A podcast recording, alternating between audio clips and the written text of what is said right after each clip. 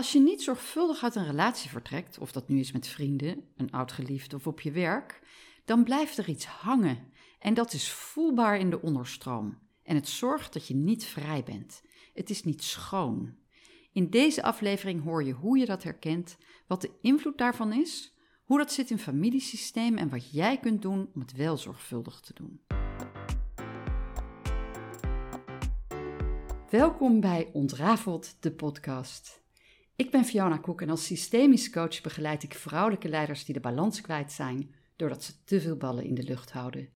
Ik help jou om patronen te ontrafelen, zodat je ook nare ervaringen uit het verleden in de toekomst kunt benutten als kwetsbare zachte kracht. Met Ontrafeld, de podcast, is het mijn bedoeling om jou te inspireren om je hele zelf te laten zien. Omdat ik geloof dat de wereld daar mooier van wordt. Zoals ik dat ook heb gedaan met mijn boek Ontrafeld, bevrijd door anders te kijken naar mijn patronen. In de show notes vind je een link naar mijn website www.koekcoaching.nl. Vandaag wil ik het met je hebben over afscheid nemen. Want er is niets zo belangrijk als zorgvuldig afscheid nemen, of het nu is van een partner, een vriendschap of op je werk want op het moment dat jij niet zorgvuldig afscheid neemt, is de weg niet vrij naar die volgende opdracht, partner, vriendschap. En blijf je hangen in een soort, nou, of boosheid, wrok of schuldgevoel, omdat je voelt dat er onbalans is. En dat maakt dat je niet de vrijheid hebt om het mooie weer opnieuw aan te trekken. Nou, ik wil je vertellen hoe je dat zo al kunt herkennen. Wat dat bij mij natuurlijk heeft gedaan. Ik wil je ook vertellen ehm, wat je kunt doen om wel zorgvuldig afscheid te nemen. En ook hoe dat zit in families. Want daar geldt weer een andere manier voor. Namelijk, daar kun je geen afscheid van nemen. Ook al zou je dat misschien soms willen. Als je kijkt naar relaties, daar heb ik wat over geschreven in mijn boek Ontrafeld. Bevrijd door anders te kijken naar mijn patronen. Waar ik tegenaan liep, was dat ik het heel lastig vond om afscheid te nemen, innerlijk, van mijn allereerste vriendje. En nou, als, ik het, als je dit hoort, dan denk je, huh? Want we zijn eigenlijk maar vriendje en vriendinnetje geweest van mijn zestiende tot mijn achttiende. Maar hij bleef zo iedere keer weer, nou bleven we eigenlijk bij elkaar via de achterdeur weer binnenkomen. En dat maakte dat ik me onbewust, maar op een diepere laag niet helemaal kon verbinden met mijn lief Edwin. Terwijl wij toch al 33 jaar bijna samen zijn, waarvan 31 jaar getrouwd. En ik beschouw mezelf echt als een ongelofelijke bofkont, want we hebben een prachtige relatie met elkaar, waarin we alles kunnen bespreken. En wat ik nu ga vertellen, heb ik ook met hem besproken in de loop der jaren. Maar onze relatie is echt, heeft een andere diepgang en laag gekregen sinds dat ik zelf echt al mijn losse eindjes uit het verleden heb ontrafeld, waardoor ik nog ja, voller de liefde aan hem kan geven. Maar ook op het moment dat ik helemaal ben losgekomen van dat eerste vriendje. Want wat gebeurt er? Je, je zit in een relatie, en ja, in mijn geval was het heel lang geleden. Uh, voor jou kan het ook korter geleden zijn. Maar als je om ja, moverende redenen niet zorgvuldig uit elkaar bent gegaan en in boosheid en, en machteloosheid misschien wel, dan blijft er zo'n hele nare ondertoon hangen. En ja, dat maakt dat je gauw valt in daderschap, slachtofferschap, in een dynamiek van wijzen naar de ander, schuldig bevinden, schuldig voelen. Het belemmert je in je bewegingsvrijheid.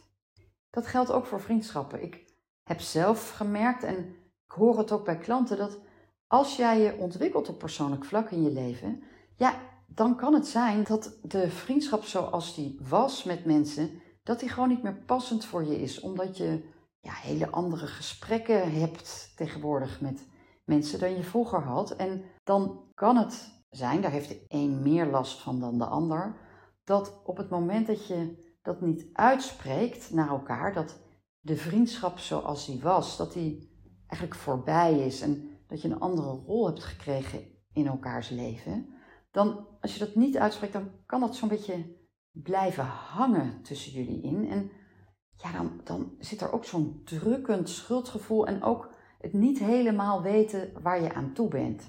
En dan kan het heel schoon voelen als je dat naar elkaar uitspreekt. En dat geldt zeker voor werkrelaties of opdrachtgevers waar je heel lang mee hebt samengewerkt.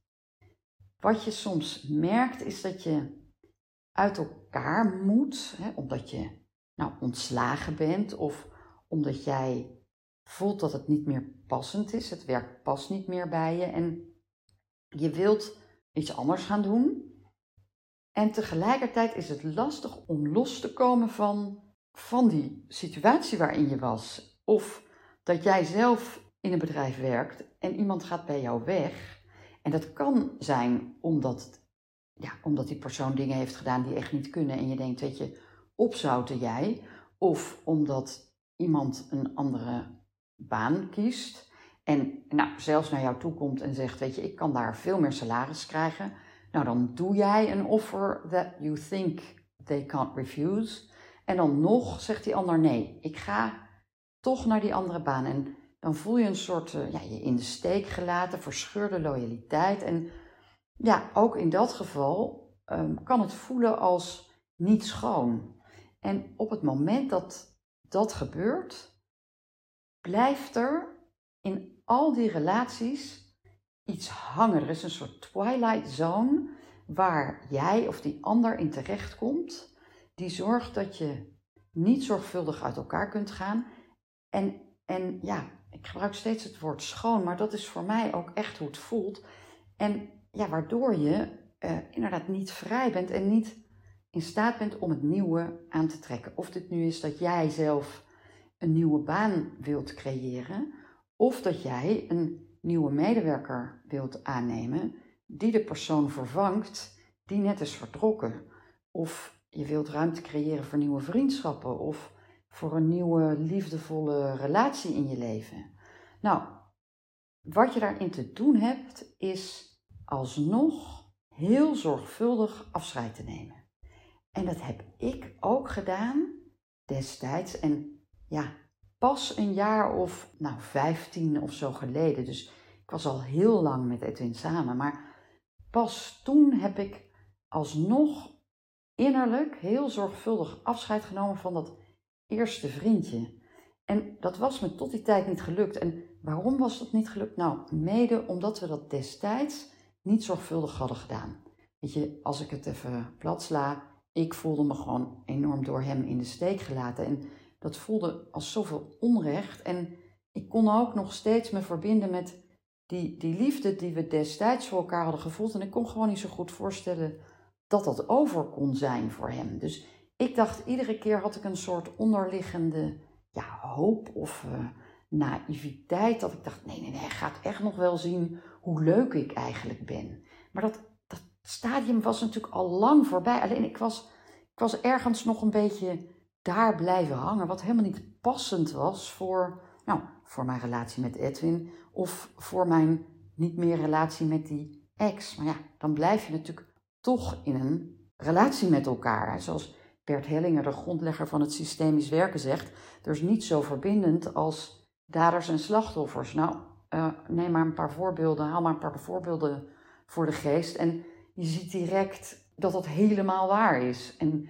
van de grote wereldoorlogen tot uh, als je kijkt naar mensen die een ander iets hebben aangedaan en die kruipen steeds onder de huid van. En wat je ook wel ziet, en dat vind ik zo prachtig, um, hoe als je elkaar als dader en slachtoffer, als die wel elkaar in de ogen kunnen kijken en zich met elkaar kunnen verbinden en elkaars hele verhaal kunnen horen, dat op het moment dat je iemand in de ogen kijkt en echt contact maakt, ja, het nooit meer kan zijn zoals het daarvoor was. Dat er iets oplost in die dynamiek van dader en slachtofferschap, waardoor je je totaal anders tot elkaar kunt verhouden. En wat je kunt doen is, je kunt een, ja, je hebt twee dingen nodig. Een stuk papier en een pen.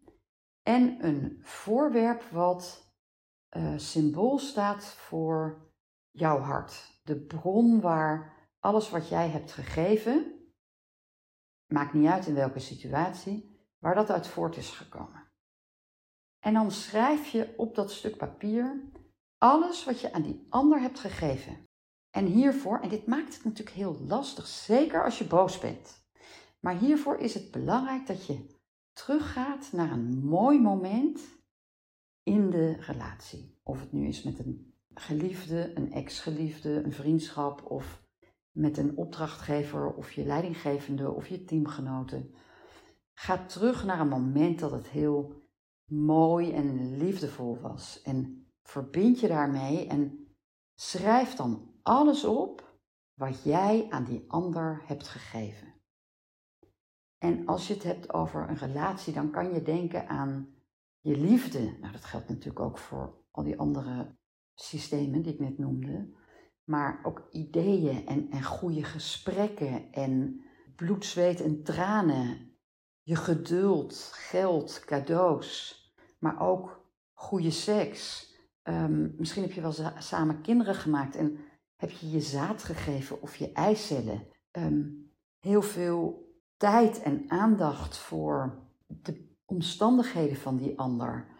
Eindeloos ehm, meedenken, creativiteit. Hè? Als je kijkt naar, naar werk, dan heb je nou dat allemaal, uh, niet je zaad trouwens of je eicellen, maar en ook geen goede seks als het goed is. Maar je hebt een heleboel uh, gegeven van de dingen die ik net noemde.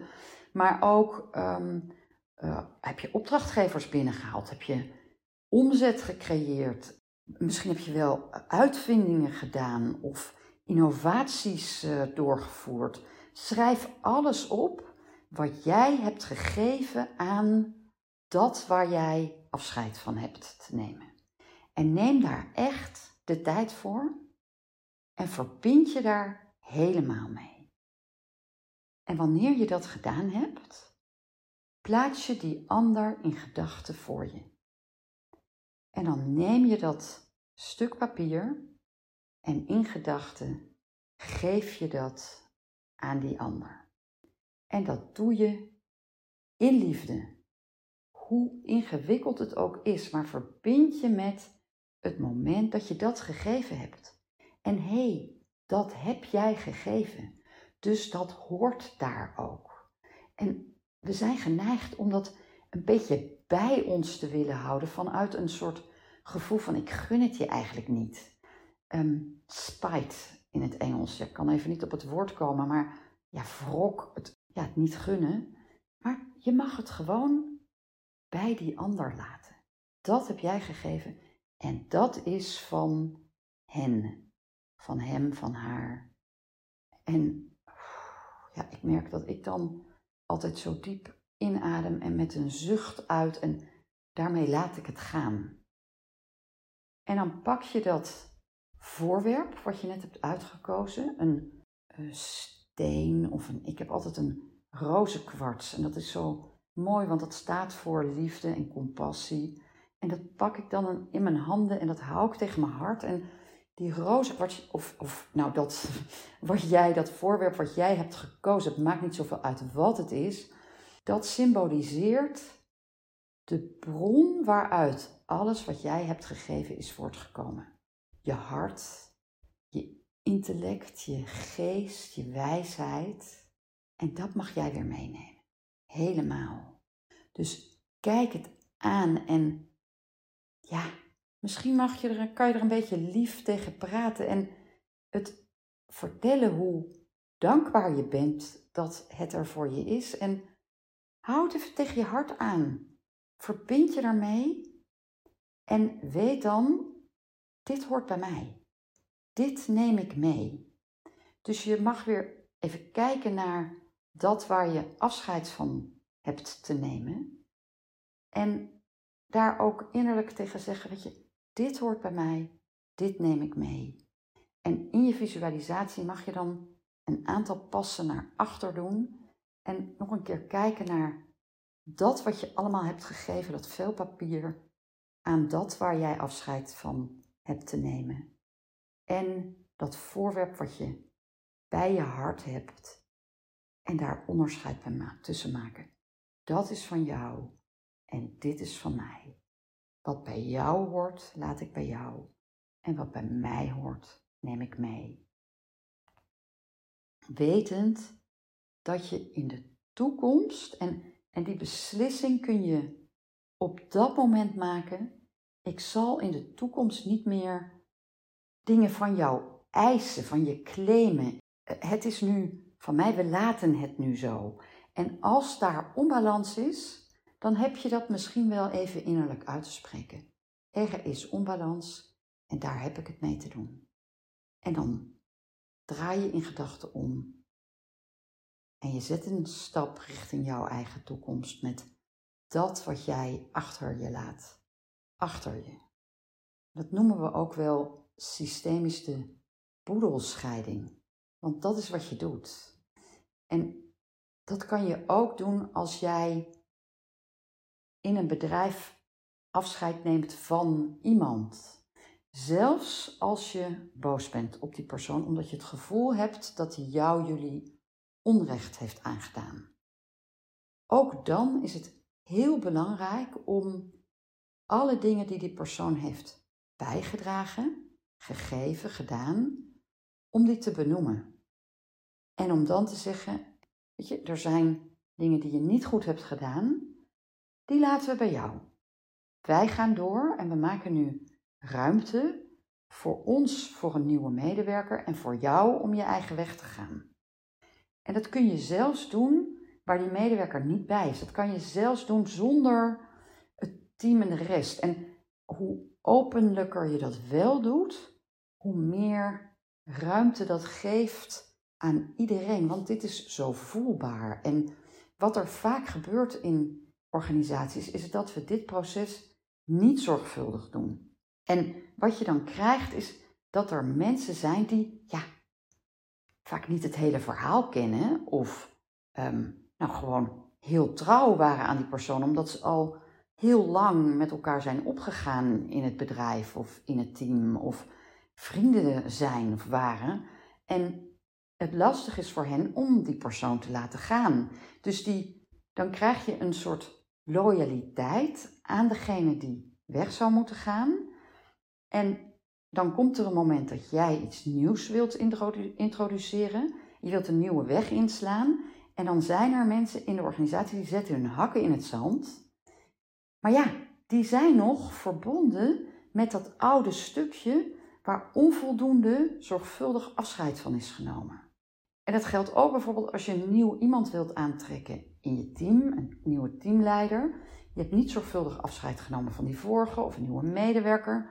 En zonder dat je uh, zorgvuldig hebt stilgestaan bij het vertrek van de vorige. En dan krijg je dus die, die verscheurde loyaliteit, die weerstand, het hak in het zand zetten, het geen draagvlak kunnen vinden voor nieuwe ideeën. Nou, dan weet je al meteen op systemisch uh, gebied, op een systemische laag, dit heeft te maken met een loyaliteit. We hebben nog iets aan te kijken uit het verleden waar we onvoldoende bij stil hebben gestaan. En ik weet het.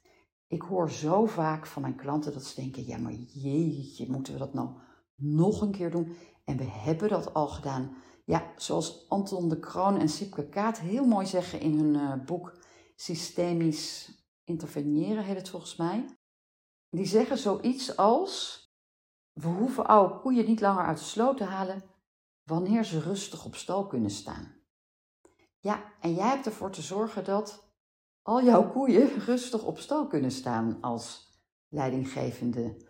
Dus misschien betekent dat dat je nog een keer hebt stil te staan bij de geschiedenis, bij de dingen die er zijn gebeurd in de loop der jaren.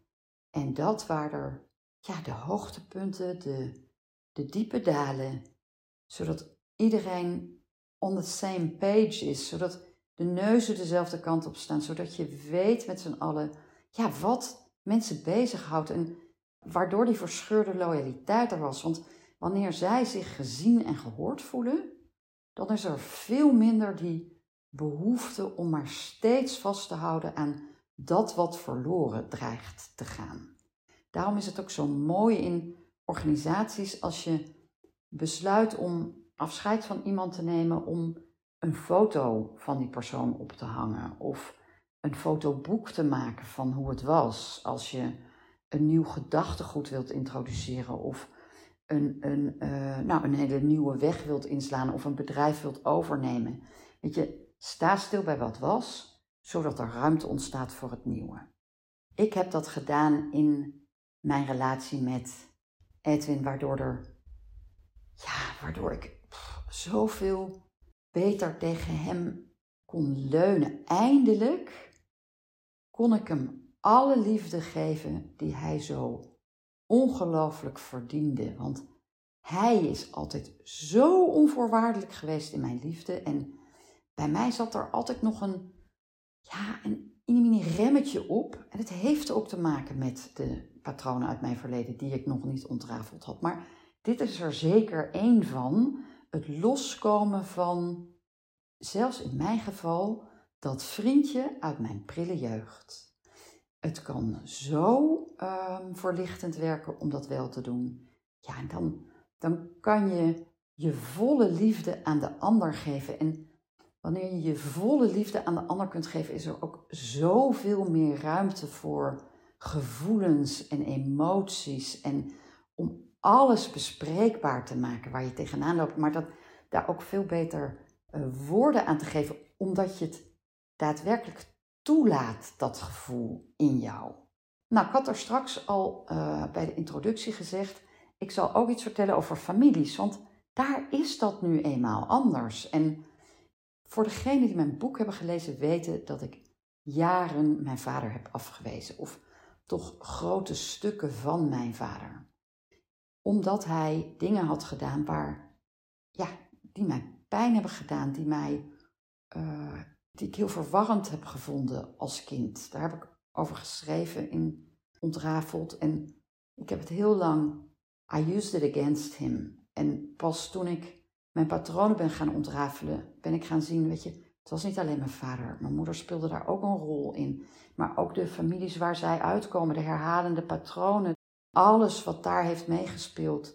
Dus ik kan nu zo anders kijken, maar dat heb ik heel lang niet gekund. En ja, op het moment dat ik een stuk van mijn vader afwijs, wijs ik ook een stuk van mezelf af. Zo simpel is het gewoon. Dus ik kon nooit het leven, ja, vol nemen.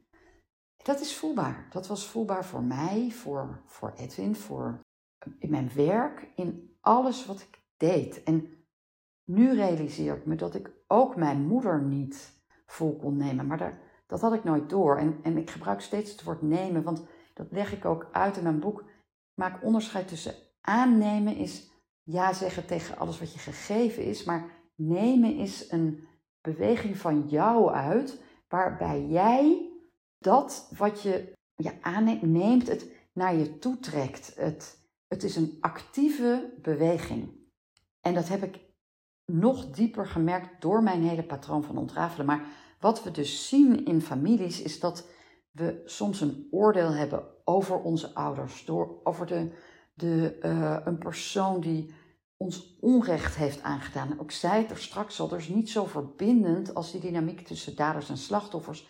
En dat geldt al helemaal binnen families. Dus dan wil je er los van komen, maar het blijft je maar naar beneden zuigen. Het is een hele neerwaartse energie. En ja, hoe komt dat? Systemen staan het niet toe dat iemand wordt buitengesloten. Dus wat je te doen hebt, is helemaal ja te zeggen tegen ja, dat waar je op dit moment nee tegen zegt. Ik kan het niet simpeler maken.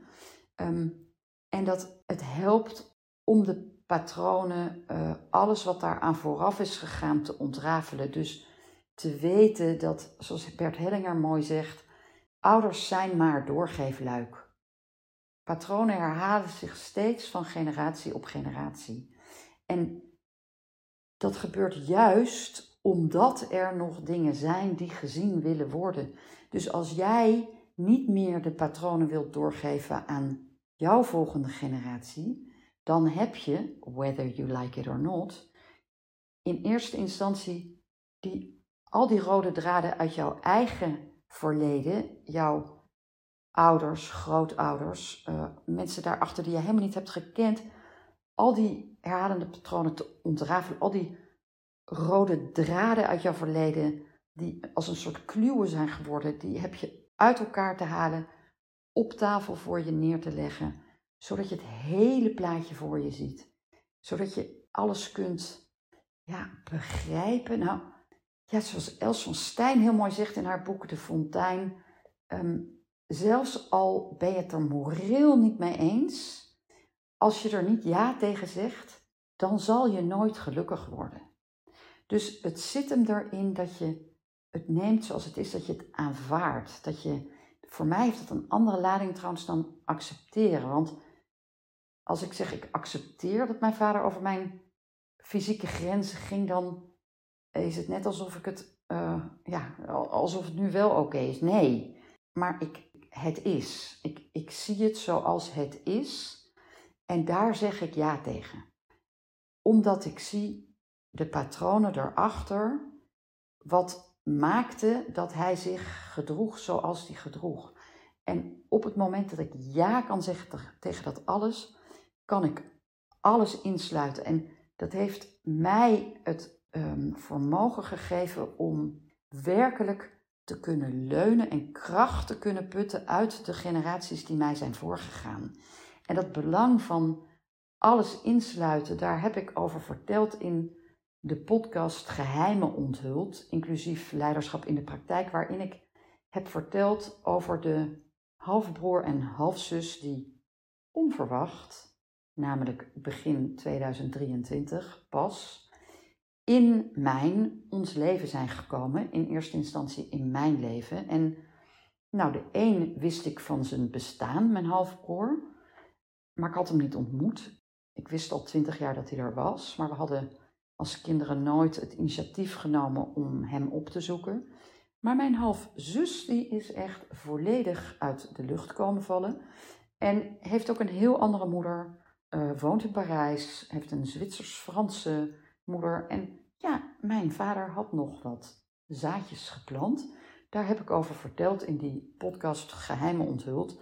Maar ook hoe wij er als familie mee zijn omgegaan om hen helemaal in te sluiten.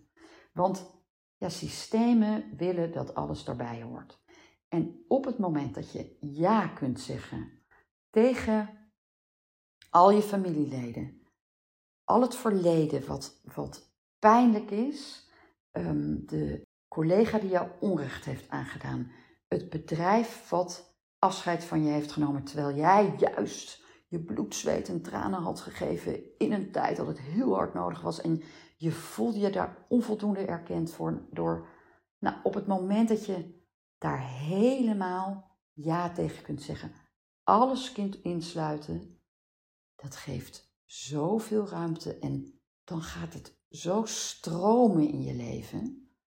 Als je die podcast nog niet hebt geluisterd, raad ik je echt aan om dat te doen. En het mooie is, ik heb daar van de week over mogen vertellen in een uh, damesclub waar ik uh, lid van ben met hele prachtige, krachtige powervrouwen. En, en het werkte zo verbindend ook daar voor hen om, om dit hele proces te horen van hoe wij als familie ja hebben gezegd tegen het insluiten van deze halfbroer en halfzus, mijn halfbloedjes zoals ik ze tegenwoordig noem, die overigens in onze kinderrij gewoon helemaal aansluiten. Dus ze zijn net een beetje jonger en nog een beetje jonger. Ehm, maar ja, inmiddels uh, hebben we gewoon contact met elkaar en horen ze er gewoon bij. Mijn broer uit Amerika had ze nog niet ontmoet, maar die is ook uh, nu in Nederland geweest. En die is gaan logeren bij mijn uh, halfbroer in Limburg. En dat was heel gezellig en voelde meteen als familie. Dus ja, um, het maakt dat je in je leven, uh, alles wordt lichter uh, als je ja zegt tegen de dingen. En het maakt dat je wat meer kunt dansen door het leven. En, en dat je voelt dat je het allemaal niet zo zwaar hoeft op te nemen. En, en het maakt ook dat je dingen uh, makkelijker, ja, zo met zo'n zucht door je heen kunt laten gaan. En van je af kunt laten glijden wat niet bij jou hoort.